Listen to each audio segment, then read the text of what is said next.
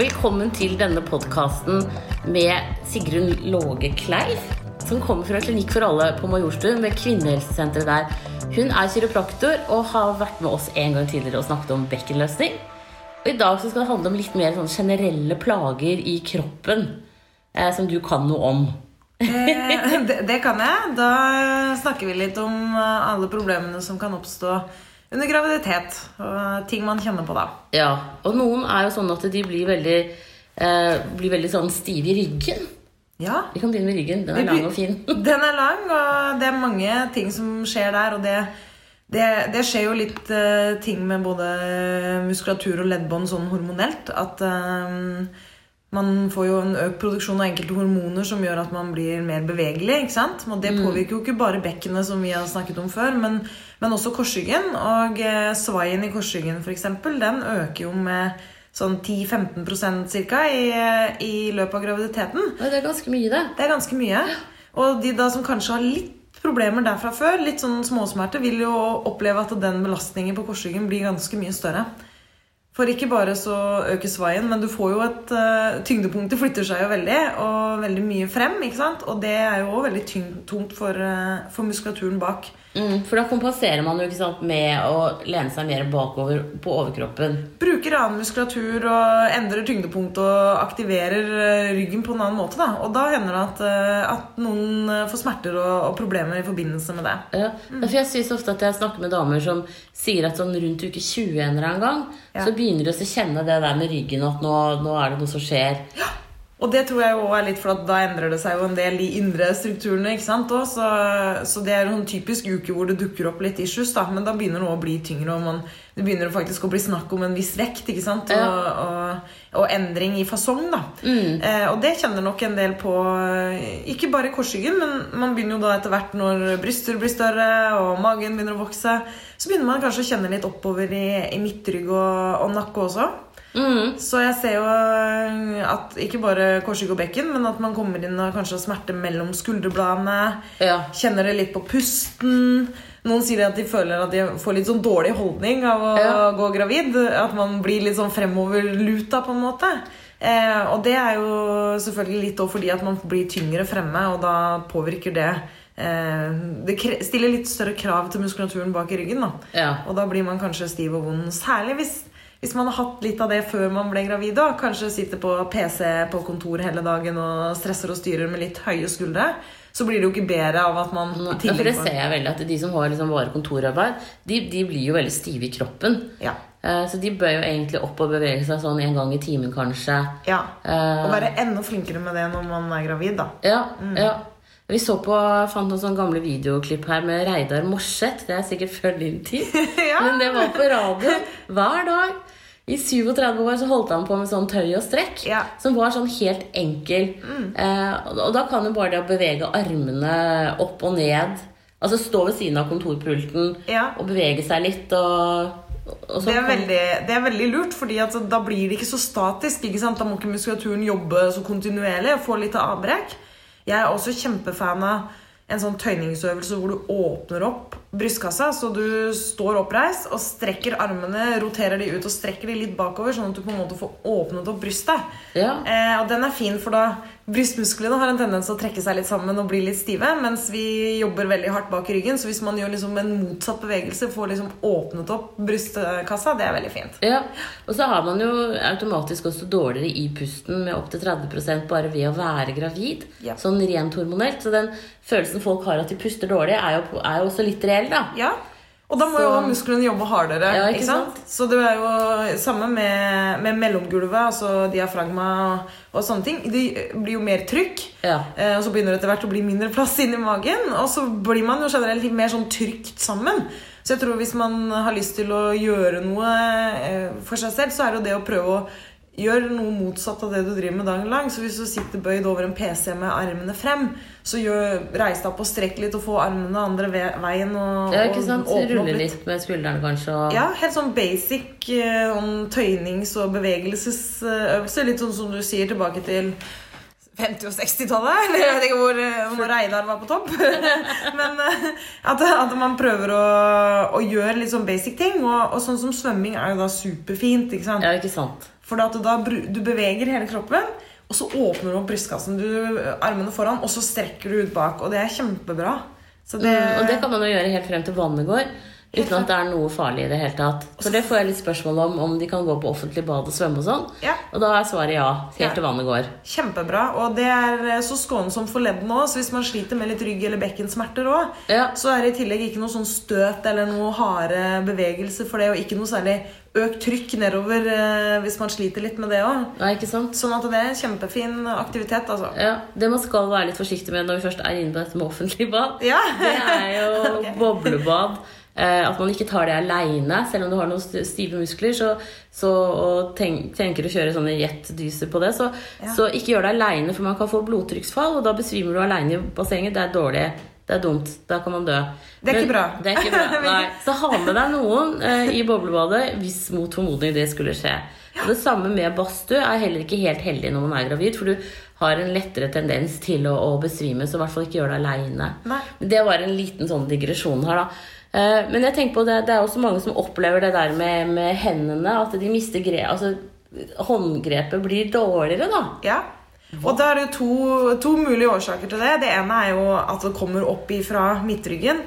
At man blir nummen i begge hendene og, og mister litt følelse og må våkne om morgenen og riste litt på hendene. og sånn. Det er jo ganske vanlige sånne symptomer i graviditet. Det kan enten komme at man har blitt så stiv i, fra nakke og skuldre og midtrygg at det rett og slett ikke er noe særlig sirkulasjon utover Ja. i fingrene. Så det stopper seg opp, både nervene og blodårene blir litt klemt. Da kunne man kanskje trenge litt behandling, da. Da kunne man kanskje trenge litt behandling. Hvis det har gått så langt, så må man i hvert fall begynne å tøye og strekke litt. Og så Ja. kunne man, eh, hvis man opplever at det vedvarer over tid og blir mer og mer kontinuerlig, så bør man gå og få det sjekket litt. Ja. Men så kan det jo i tillegg være at selve problemet sitter litt i håndleddet. Og da er det jo ganske vanlig i graviditet at man binder vann og får såkalt ødem. Ja. Eh, I større og mindre grad, og noen er mer sensitive for hva de spiser. Og hvis man ikke klarer å være så fysisk aktiv, så hjelper jo ikke det på. ikke sant? Nei. Og så er det noen som bare binder vanvittig mye vann uten at vi helt vet hvorfor. Ja.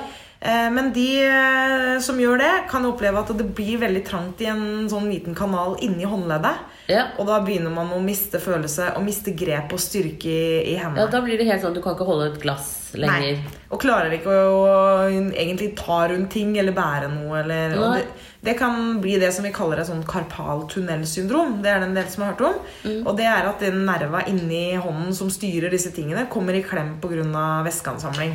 Og, og da kan du få de problemene som du snakker om. Ja. Og det, det går jo ofte tilbake etter fødselen, men Ja. for noen så gjør det ikke det. Nei. Og da er det jo også aktuelt med operasjon. For jeg, det er vel, ehm, så det må man da snakke med fastlegen sin om. Mm. Men, men ellers er det noen øvelser man kan gjøre for å lette på det i graviditeten? Ja, og det, og det man kan tenke er at det, blir en opphopning, en stagnasjon i gjennomstrømningen. Da. Så det blir på en måte, systemet blir så overbelasta at det, det klarer ikke kvitte seg med væska. ikke sant? Så man kan, det er lurt å bruke armene litt. Ja. Men da ikke sånn, ikke sånn statisk på en PC, men kjøpe eksempel en liten sånn stressball eller noe leire eller et eller annet, Ja. og klemme litt og få litt gang på det. Ja. Og på en måte, man kan også massere litt selv og prøve å skape litt sirkulasjon. Hjelpe venesystemet litt. For det er jo økt trykk i hele kroppen. ikke sant? Ja. Så årene våre må jobbe litt hardere med å pumpe væska tilbake igjen.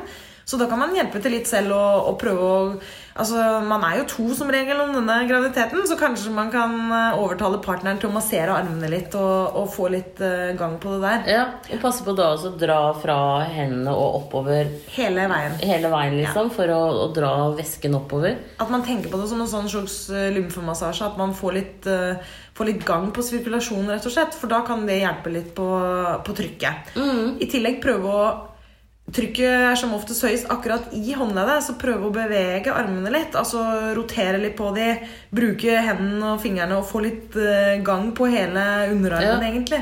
Ja, for det der, eh, jeg har også tenkt på det at Hvis du setter albuen i bordet da, og så holder hånden opp, og så det å knipe og, og åpne hånden litt sånn ha- hardt Ja, At ja. det så kan også være med på å øke sirkulasjonen. da Absolutt. Mm. Og hvis man kjenner selv at man er veldig hoven, så er nok det årsaken da at det er den væska som ligger og presses, og da må man hjelpe litt på det. Ja.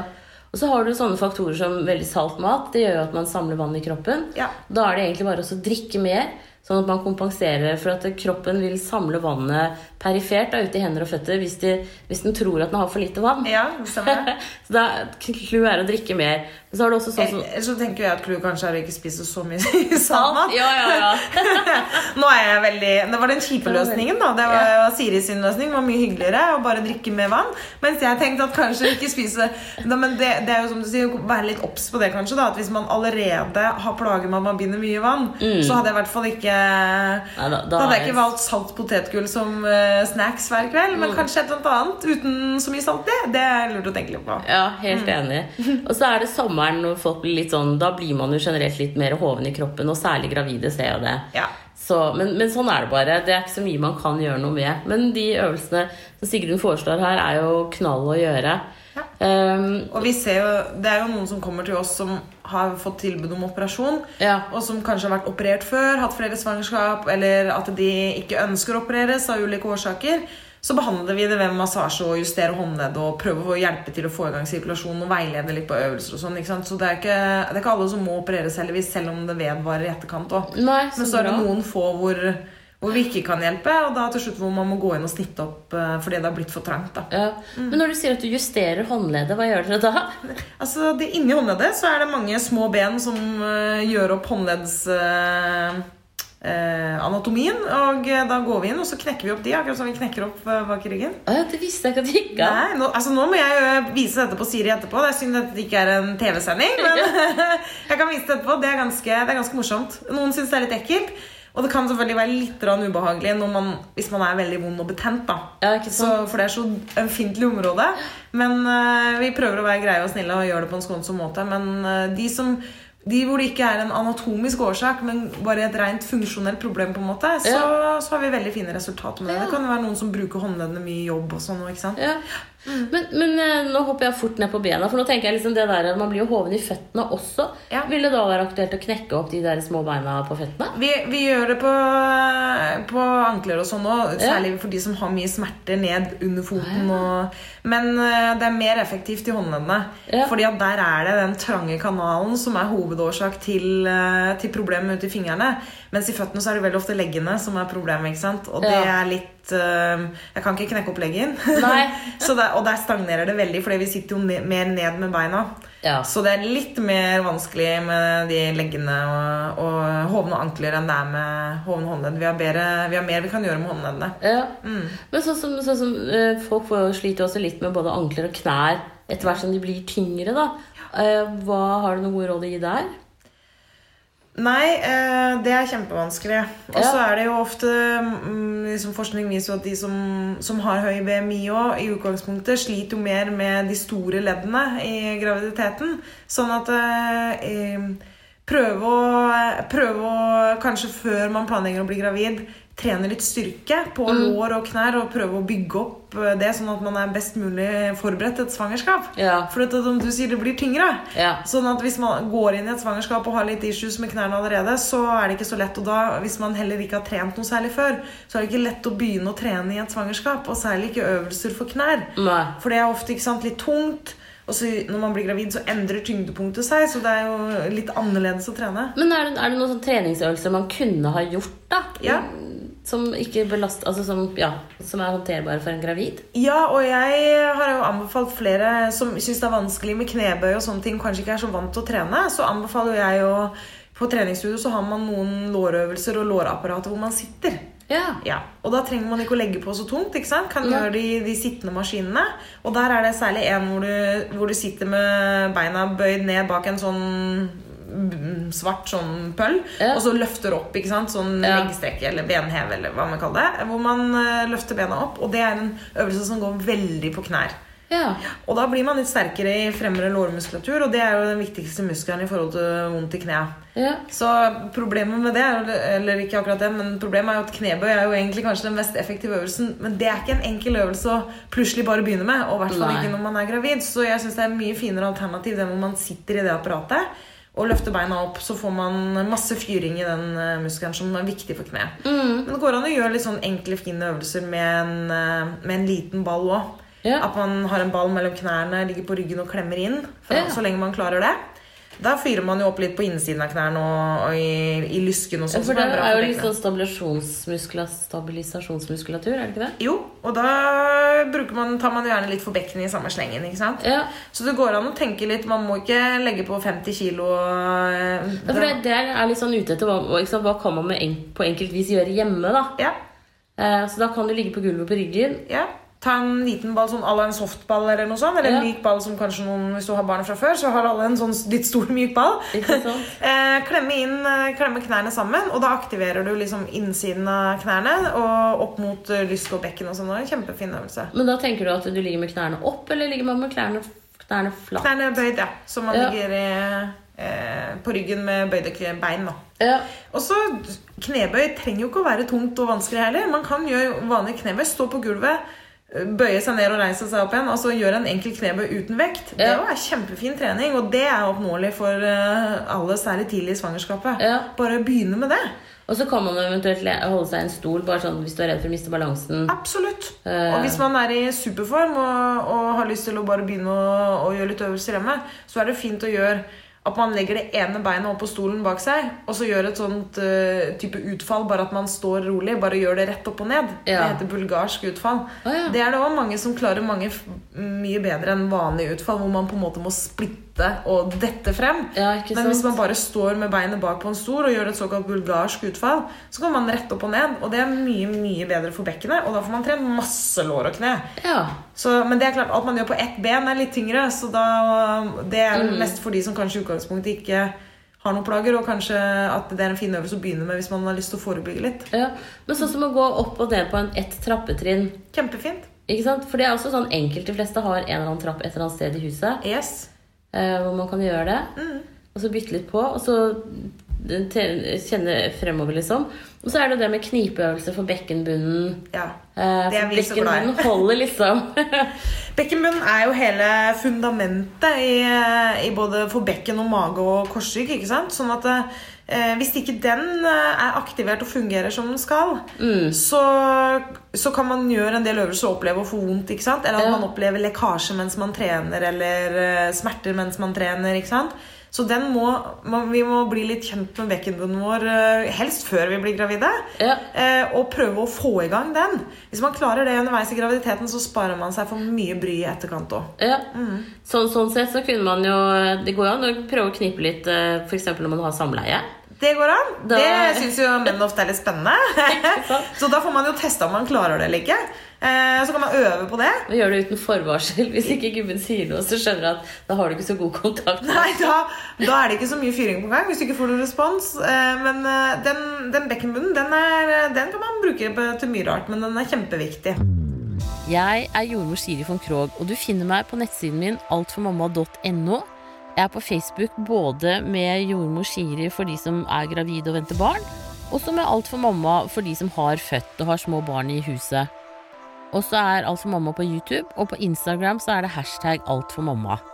Send meg gjerne en e-post om temaer på podkast.jordmorsiri.no.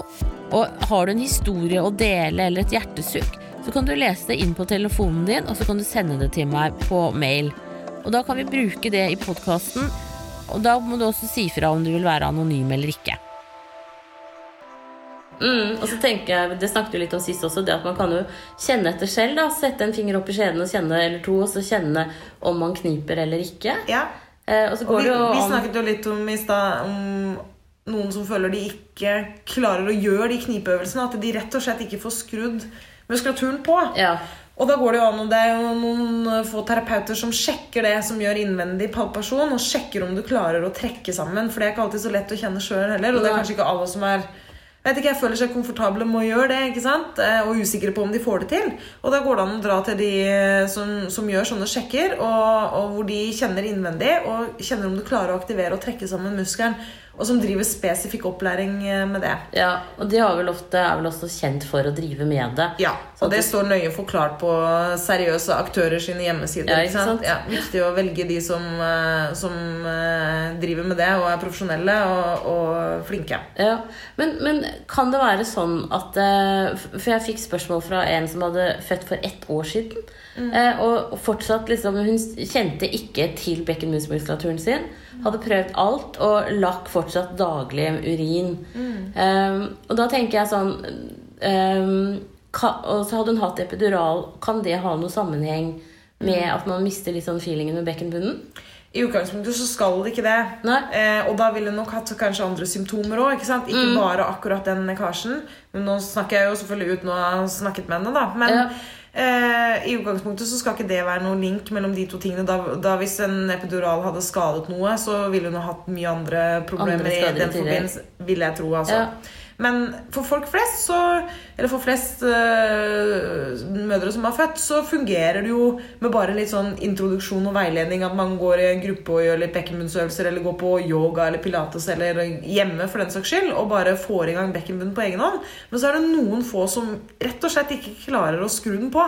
Nei. Og det kan jo være fordi man kanskje ikke hadde så god kontakt med den enten før graviditeten eller underveis i svangerskapet. Eller det kan være at det har skjedd en skade, eller at man har fått problemer under fødsel. Ja. Som gjør at det kanskje i etterkant at den har vært helt død. da. Ja? Eh, og hvis man opplever det et år etterpå, at man driver og lekker daglig, det er kjempemye, og da begynner det virkelig å påvirke livskvalitet, og, og sånn skal det ikke være. Nei, ikke? Så bør man, det bør man gå og få hjelp til da, hvis Ja. man har prøvd å gjøre øvelser og ikke klarer å fyre den i gang. Nei. Og da er det jo et bra sted å begynne hos fastlegen, og så, Absolutt. eh, og så gå videre. Eventuelt eh, sånn som kommer til dere på kvinnehelsesenteret. Ja, vi har et par av terapeutene våre som, som gjør den innvendige palperingen og det, ikke sant? Ja. Som, som driver med det og er opplært til det. Så Ja. det er jo viktig å gå til noen som er flinke og seriøse aktører på det. Mm. Ikke sant? Ja, men det, ja, for det, det er jo, jeg tenker det er jo en av de på en måte sånn eh, tingene man ikke snakker så mye om da, Ja, det det. etter en fødsel. Men det er jo ganske mange som er plaga med det, og noen er jo inkontinente for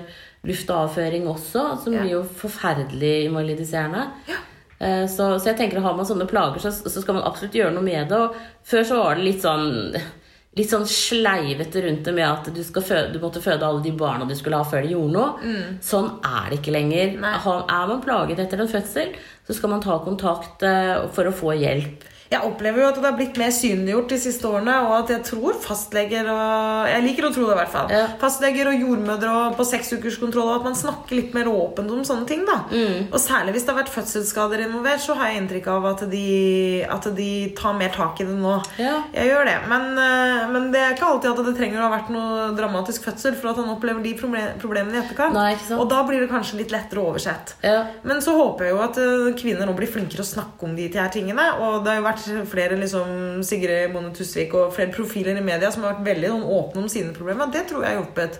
Så det viktigste er jo egentlig kanskje praten sånn på barselgruppe eller vin- Ja. imellom. At man liksom normalgjør litt de, de Ja, problemene. For du kan jo faktisk ikke ha sydd et eneste sting, men allikevel være skada innafor, da. Det kan du. Og du Eh. kan, du, en skade trenger jo heller ikke å ha noe med om du klarer å aktivere en bekkenbunn å gjøre. Som jeg sa, kanskje har man aldri klart det, men man fikk ikke noe problemer før man strakk all den muskulaturen under en fødsel. ikke sant? Ja, ikke sant? Så man har klart seg egentlig greit.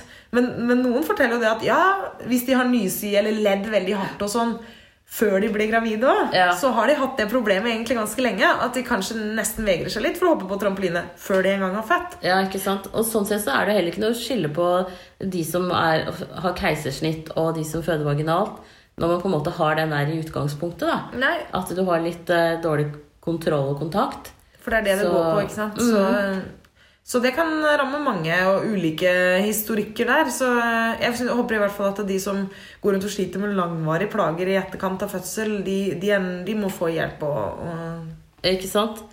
Eh, og så litt det der med, med nakke og For nå har, vi, nå har vi jobbet oss opp fra føttene. Ja, nå er vi oppe på toppen av hodet. At nakke- og hodepine og ja. Ja, Skuldre og sånn. Ja. Og det jo, jeg tror jo at uh, mange pasienter kommer inn med hodepine, og man må jo være kjempenøye med å drikke nok væske når man ammer. Ja. Så det snakker vi alltid om. ikke sant? Det er lett å glemme, og det er travelt. Og kanskje har man ikke bare ett barn, man har flere barn. Ja. Eh, og det går litt sånn eh, over styr. Eh, men passe på seg selv, og i hvert fall begynne med å drikke nok vann. For det at eh, ammingen gjør jo at man krever ganske mye væske. Så vær påpasselig med det, for det er i hvert fall unødvendig å gå rundt med hodepine og plager pga. Ja. det. Og et godt eh, måltegn der er jo hvis urinen din er veldig gul, så drikker du ikke nok vann. Nei. Den skal være veldig lys gul over i ufarget nærmest. Da ligger du på et bra nivå. Det er bra. Det er, det er en god indikasjon. Begynn å titte litt ned i toalettet. Det. Eh, så så det, det kan jo henge litt sammen med nakkeproblematikk, men det er jo litt som vi snakket om i stad, at det, blir veldig tungt. Tyngdepunktet flytter seg, brystene blir tunge. Og så etter fødsel så er det jo gjerne det at man bærer barnet, ammer. Så sovner man i alle mulige stillinger. Og ja, Det blir veldig sånn ensidig, det man driver med. Man går i tillegg og dytter på en vogn hele tiden. Ja. Så når man er, er endelig er ute og kunne rørt litt på skuldre og slengt litt på armene, så har man jo en vogn man driver og dytter rundt på. Så jeg prøver i hvert fall å si at hvis dere har med dere en bestemor eller en venninne når dere er ute og går tur, så la de ta vogna. Ja. Så dere kan strekke litt Slenge på dere. Ja, Slenge med armene og, og ikke bli gående med armene foran seg igjen da og dytte. For det òg er jo litt med på, på å forsterke den stillingen da Ja. som man allerede har mange timer hele tiden. Særlig første måned så ammer man jo non stop. Ja. Så det blir veldig mye i sånn halvkrummet posisjon. Ja. Så mange av de damene jeg ser i svangerskapet med bekkenproblemer, de kommer igjen sånn to-tre måneder etter fødsel. Ja. Og da er det kjempestiv i, i øvre ribbein, øvre midtrygg, nakke. Og så har de etter hvert hodepine og, og plager med det, da. ja. Så da fikser vi opp litt. Ja, for da tenker jeg liksom, Har du vært plaga i svangerskapet, så bør du jo gå og få en sjekk etter fødselen før det kanskje låser seg helt. Man bør jo det, men jeg veit jo åssen det er de første ukene. Ja. Særlig hvis det er første barnet, så er det jo mye greier og overveldende. Og man har egentlig kanskje bare lyst til å kose seg hjemme, men eh, får man det til og komme innom eh, i løpet av den første tida, så er det kjempefint. Og da er det jo bare å ta med ungen. Det er så- ikke noe problem. Vi liker veldig godt når de kommer innom babyene. Og det er til og med damene i resepsjonen er ute og koser litt med de. og de sitter gjerne barnevakt. Det, men det er god plass inn på rommene, så vi har bare hyggelig hvis det er med barn. Ja, ikke sant? Ja, for det er, det er ofte det man tenker at eh, «Å, men jeg får ikke barnevakt, og da kan jeg ikke gå. Men ta heller med deg ungen. Ja, Gjør det. Ikke gå rundt og vondt. Bare kom inn med hele gjengen. Ikke sant?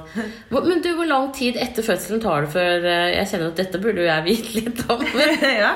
eh, jeg er liksom opplært til at tolv uker etter fødselen da er kroppen tilbake til normalen igjen.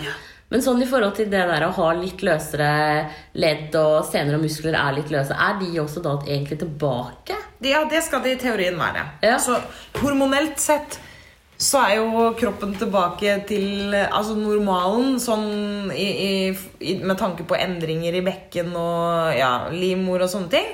Så er det denne her tolvukersperioden, da. Ja.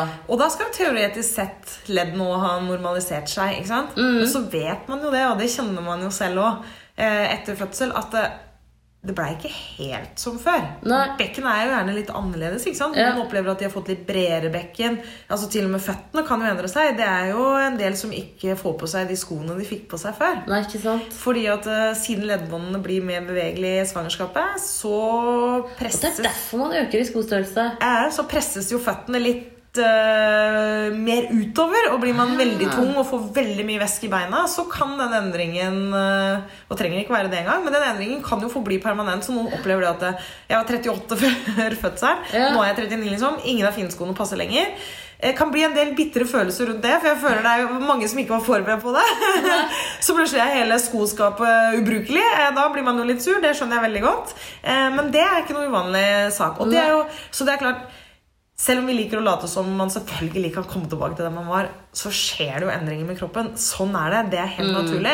Eh, Bekkenet endrer seg jo litt. Men teoretisk sett så skal, så skal kroppen gå seg til, vil jeg Ja, si, i løpet ja. av de tolv ukene. Og, og man skal kjenne at man har, får tilbake stabilitet og muskelfunksjon og sånne ting. Og kan gjenoppta normal aktivitet. Ja. Og kan man ikke det, så sånn skal det ikke være. Nei, ikke sant? Nei. Da er det lurt, og da bør man søke hjelp. Mm, det synes jeg. Absolutt. Mm. Og sammen samme med nakke som for midtrygg. Det er så viktig dette her. Vi blir jo dratt, dratt sånn fremover med tung mage og tunge bryster og alt det vi gjør fremme foran oss. Bærer barn og dytter vogner, som jeg sier. Så det å åpne opp og få opp brystkassen og, og få puste skikkelig og løfte seg selv litt opp. At man tenker at puppene skal litt oppover. Nå har de Mm. blitt store, og man føler kanskje de er litt sånn i alle sitt face uansett. Men de skal enda mer in your face. De skal inn, man skal løfte seg litt Yeah. og strutte litt fremover med puppene, sånn at eh, man avlaster litt bak på nakke og midtrygg. Det er kjempeviktig. Yeah. For det henger så tett sammen. Blir man veldig stiv og krumma frem i midtryggen, så setter det seg opp i nakken òg. Ja. Mm. Og da får man lett hodepine og andre plager som man ikke trenger når man er småbarnsmor. Nei, ikke sant? Mm. Ja, men, det, men det er vel det man å gjøre Kanskje prøve å liksom når kjenner når man kjenner at man er stiv, da. Ja. Gjøre noen øvelser som kan kjennes ut som det kan løses opp i den stivheten. Rulle med hodet litt. Ja. eh, Rulle med armene. Eh, hoftene. Altså bare bevege seg. At det på en måte er Rette seg opp litt, ikke sant? At det tar jo ikke mange Det bør ikke liksom ta en halvtime å gjøre det, men at man bare gjør det noen få minutter. Og variere litt i løpet av dagen. ikke sant? Og jeg ser jo kjempemange er flinke til å bruke ammeputer. Det er så Ja. mye hjelpemidler ikke sant? som man kan få for å avlaste litt de stillingene som Ja. blir veldig slitsomme. da. Særlig i begynnelsen når man sitter så mye. Ja. ja for det, jeg, nå er det lenge siden jeg har født, da, men da var det jo, hadde du sånn babybjørn. ikke sant? Skulle gå med det og sånn. Jeg, jeg greide det ikke. Det, var, altså, det er ganske tungt. Ja, det er det. Og det, det er overraskende tungt. Og særlig etter hvert som barna blir større, så blir det jo bare tyngre og tyngre. Ja. Så det blir uh, tungt. Noen liker jo det, dette med sjal. Bæresjal har jo blitt veldig in, da. Ja. Så da liker man da bare smekker man ungen på seg og pakker den inntil. Det er litt lettere. Ja. For desto nærmere deg kroppsvekten til barnet kommer, selvfølgelig, desto lettere er det. Men uh, det er tungt. Og det er tungt, og man bærer ofte feil. Man setter gjerne Når de blir litt større, så setter man barnet på hofta, og så setter man hofta ut. ikke sant? Så Ja. får man vondt i ryggen òg. Som om det ikke var nok med vondt i midtryggen. Så får Det har jeg sett i sånn barnehage, sånn liten pute som du kan spenne på deg, som Mm. ungen sitter på, liksom. Ja. Ganske Og jeg var faktisk på, Vi hadde et seminar i går, og da var uh, Bibi Hugme der. Og nå har de kommet med en sånn miniversjon som du kan knyte rundt deg. Som også var sånn som du kunne sette barnet på. Så det fins løsninger hvor man kan eh, hvor man kan sette ungen på Man kan knyte på en sånn eller spenne på en sånn oppå hofta. Ja. En sånn bærepute, og så kan man sette ungen oppå der. For da forplanter du liksom vekten nedover Du gjør det. Det blir mer riktig. Du, kommer ikke, du må ikke gjøre deg skeiv for at ungen skal sitte godt. Nei, ikke sant? For det er det man gjør, og jeg sier til venninnene mine Og du må ikke gå rundt og bære sånn, for jeg ser du gjør det, men så fort jeg tar en av barna, så gjør jeg det jo selv. Ja. ja for det, det, er funker, liksom. Ja. Ja. Så det er lurt å finne litt hjelpemidler hvis man er plaga og kjenner at det blir mye feilbelastninger. Så prøve å benytte seg av det som fins. Ja, og det tenkte jeg også på det der med etter keisersnitt så skal man jo ikke løfte noe mer enn ungen. Nei. Men det også da også holde den ordentlig godt inntil seg, da. Ikke liksom God løfteteknikk. Ut, ja, ikke ut fra kroppen. Ja. Også det der at man eh, bruker beina, at man bøyer seg ned med rett rygg og ikke Man må jo gjøre litt sånn som folk med vondt i ryggen har gjort Ja. i mange år. At man må eh, ikke ha tyngdepunktet for langt vekk fra kroppen sin. ikke sant? Få Ja. ting inntil seg, bruke bena, sette seg på huk når man skal løfte ting fra gulvet. Men det mange sliter med, er jo typisk de sengene, barnesengene. ikke sant? At man står sånn halvbøyd oppi de sengene hele tiden. Ja. Og de er sånn uheldig høyde.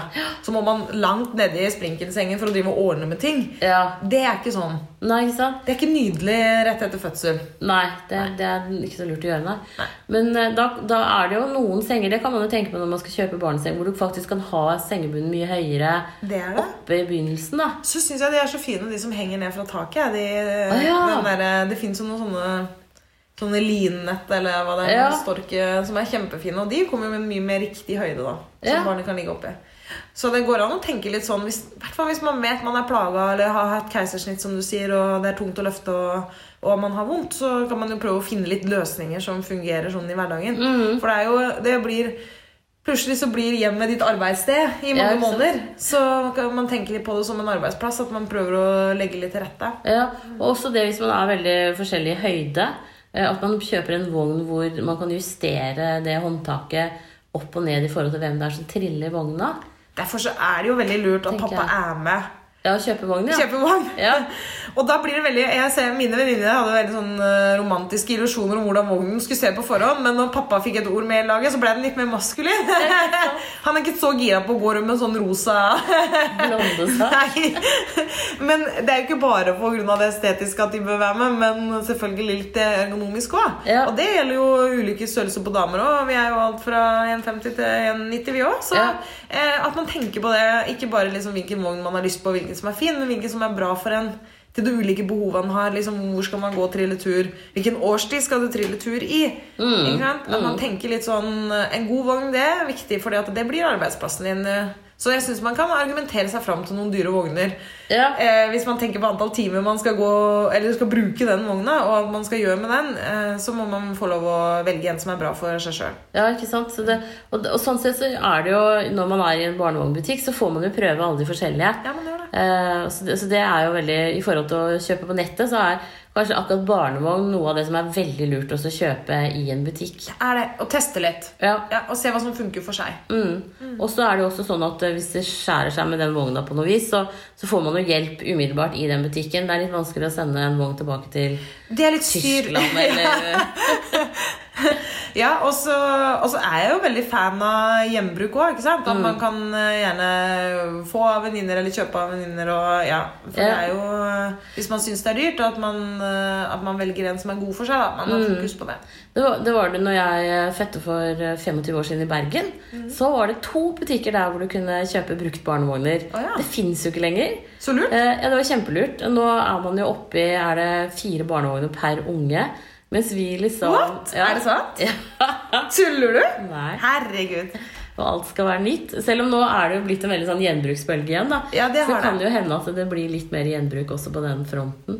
For dette, de der, noen av de vognene er jo skikkelig solid bygget. Altså, De tåler jo flere unger. Ja, klart de gjør det. Klart de gjør det. mm. Og man kan få bytta ting òg. Man kan bytte et hjul eller Det er mulig på de skikkelig kvalitetsvognene. Så får man jo det hvis man tar kontakt med butikken, og så, og så kan de skaffe deler. ikke sant? Ja. Så selv om noe ryker på den, så trenger man jo ikke kjøpe hele vognen ny. Nei, ikke sant? Og det er garantier og, og i det hele tatt. Ja. Yes. Nei, men nå tror jeg vi har snakket oss om Vi er ferdig Jeg er helt i sjokk igjen over at man har fire vogner per baby, så jeg skjønner at jeg må hjem og opprette sparekonto.